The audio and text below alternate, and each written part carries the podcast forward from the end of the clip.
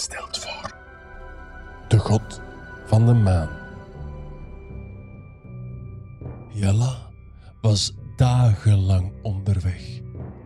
De onvermijdelijke tocht oversteeg zijn ergste verwachtingen. Die noordelijke berg was een plek waar geen enkele sterveling ooit geweest was. Er was nog geen mooi geplaveide weg aangelegd. Het was levensgevaarlijk langs steile hellingen en diepe ravijnen. Het leek wel of de temperatuur een graad daalde bij elke stap in de juiste richting. De tenen en vingertoppen van onze held kleurden paars en leken wel af te sterven. Na een dikke week duwen en trekken tegen de ijzige noordenwind, staat hij aan de voet van de machtige berg, bedekt door een dikke laag sneeuw. Op enkele honderden meters boven hem bevond zich een grot. Het leek wel of de berg ooit doorprikt werd door een gigantische naald en een gapend gat had achtergelaten. De kans was groot dat daar de schuilplaats van de tijger was. Met klapperende tanden en een besneeuwde baard kwam Jala aan de ingang van de grot. De grot was nog zoveel groter dan hij had durven denken. Door de huilende wind was een diep geluid te horen. Dat deed denken aan gesnurk. Dat moet de tijger geweest zijn. Ondanks de grote angst die Jala parten speelde, was hij in staat om een sluw plan te bedenken. Hij ontvouwde Ningaus net, klom ermee tot boven de opening van de grot en spande het van daaruit over de volledige ingang. Zijn vrouw had het heel goed ingeschat. Het net paste als gegoten. En je zou denken dat het lastigste werk erop zat, maar niks is minder waar.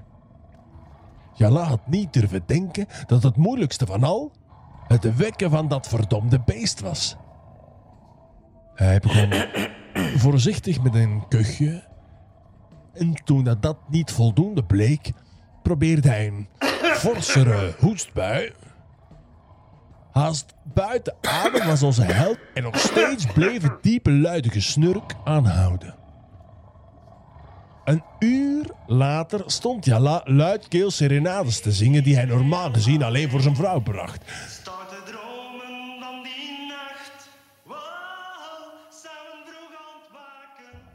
En na twee uur zonk de moed hem in de schoenen.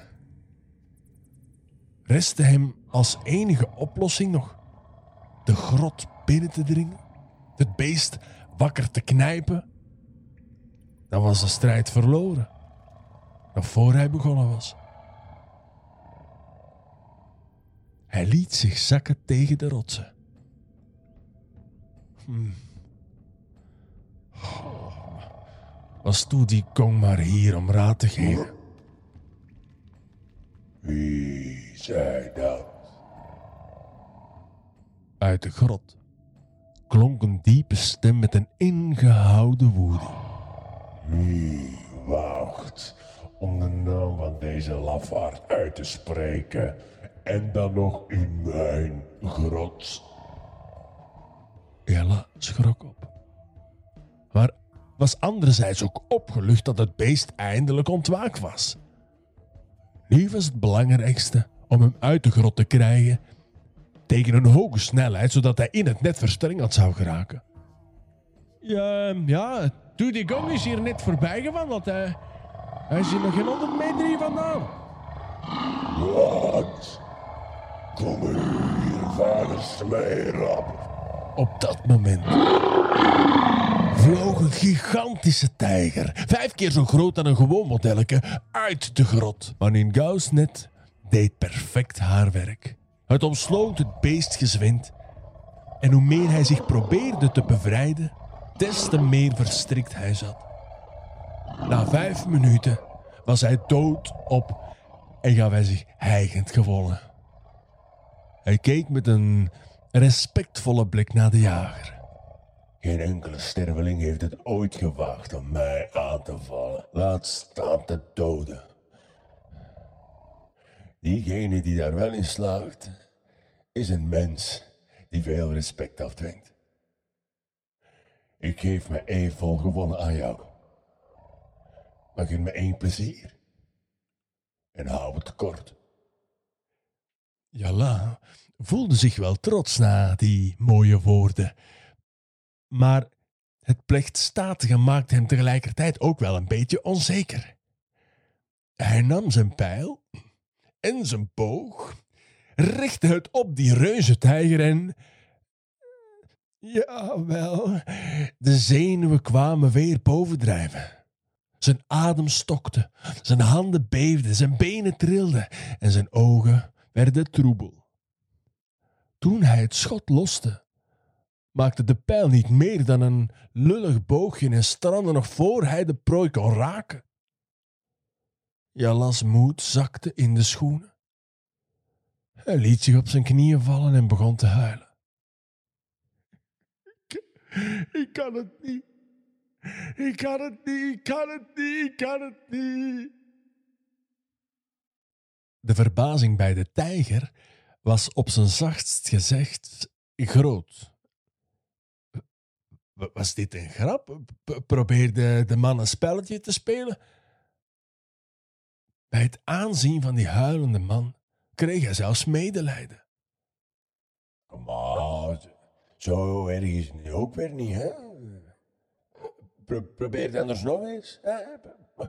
Moet ik wat dichter komen liggen of zo? Doe geen moeite. Ik heb het nooit gekund. En het zal nooit lukken ook niet. Ehm, ehm, hoe heet je eigenlijk, kerel? Dat maakt het praten wat gemakkelijker, hè? Mijn naam is Yalla. Man van Ningao.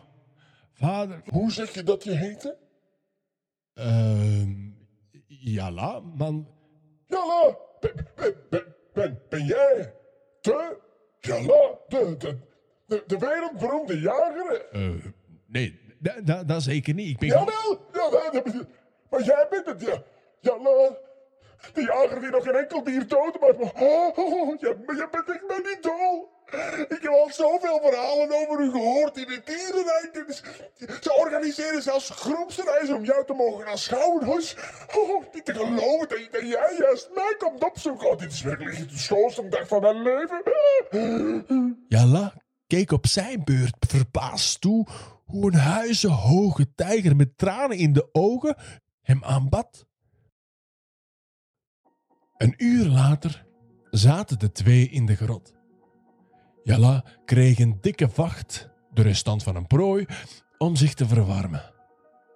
Hij vertelde over zijn leven, over Ningao, over Yuliang, over de vernedering en over de missie. Dus toen die kong zei dat je mij moest stolen. En mijn vlees moest eten om sterker te worden. Nou, ik denk dat hem zo van mij kan afgeraken. Hè. Luister, hè. Wij zijn ongeveer even oud. En al van zolang ik hem ken, is hij een zielepoot die jaloers is op alles en iedereen. Op Pangu, de schepper van de aarde, op mij en geloof me zelfs op jou. Het feit dat jij liefde kent in je leven, zal hem zeker frustreren. Het zou me niet verbazen dat hij die schijf zelf aan de hemel heeft geplaatst om kapot te maken wat hij zelf niet kan krijgen. Maar dat plezier, dat gunnen we hem niet. Zeker niet. Oké, hoe gaan we dat dan doen? vroeg Jalla. Jij bent de enige die dat kan doen. Maar dan moet je wel veranderen. En niet door mijn vlees te eten, daar, daar word je alleen maar misselijk van. Met al die taaie spieren, die droge knoken. Jij moet leren geloven in jezelf. Je hebt de kracht, daar ben ik zeker van. Maar dat is niet genoeg. Geloof me, er zijn heel wat mensen en dieren die weten dat je het kan. Behalve jij. Dat is dan wel een beetje waar, denk ik. Maar ja, hoe, hoe ga ik me erover zetten? Jij blijft bij mij. En ik leer je mijn jachtinstinct. Ik leer je alle knepen van het vak. En je mag pas vertrekken als ik je alles goed heb ingepeperd. Jalla zei luidop: Ja. Maar eigenlijk twijfelde hij of dat het hem wel ging lukken. Raf de Bruin stelt voor: De god van de maan.